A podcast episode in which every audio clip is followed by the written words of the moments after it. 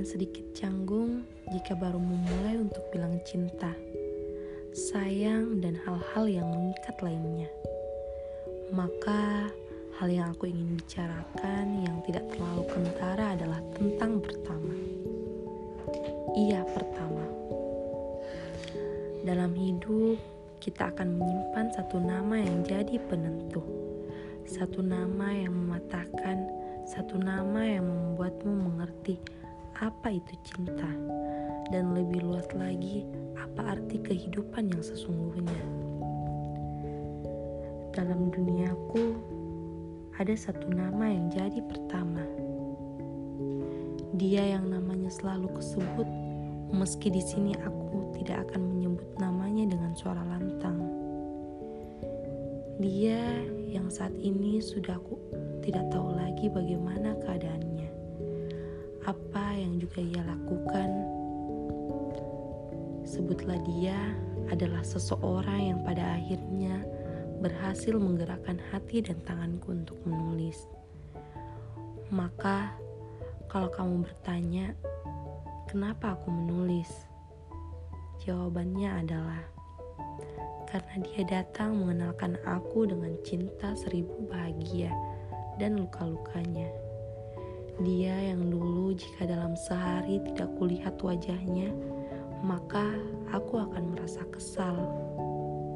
Tidak ada satu hari yang bisa kulewati tanpa bertemu dengannya. Dulu pikirku selalu begitu.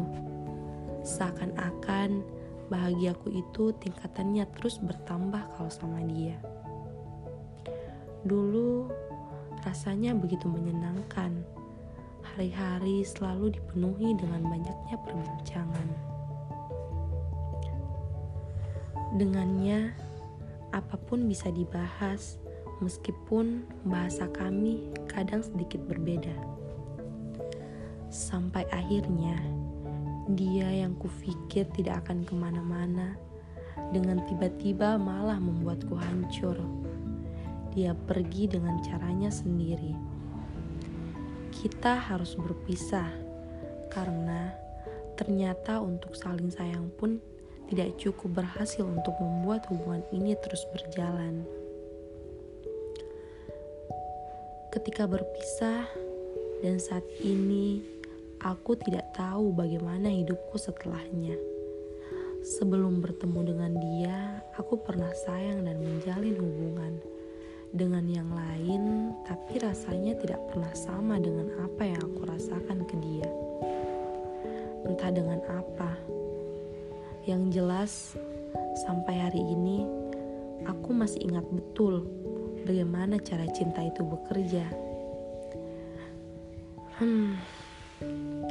Yang kalau didengar orang lain pasti akan dibilang berlebihan.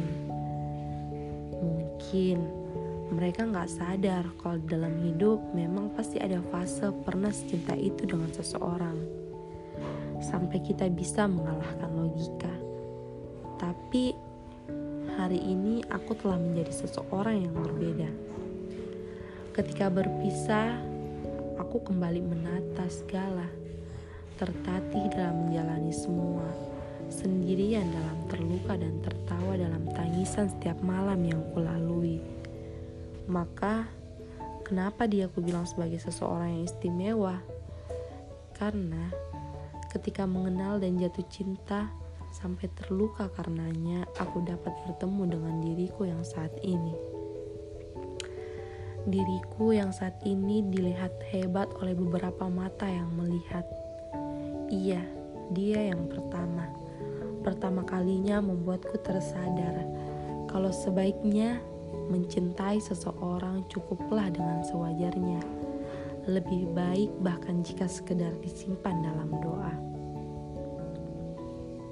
Melalui dia, aku belajar banyak hal, termasuk bagaimana caranya mencintai tanpa berharap, bagaimana caranya menjaga tanpa harus memeluk. Karena ternyata memang akan ada seseorang yang datang di kehidupanmu yang hanya sebagai jembatan yang akan menemukan kamu dan bagimu seusai mendengar ini. Siapakah yang kali pertama hadir di pikiranmu? Yang pertama mengubah seluruhmu? Adakah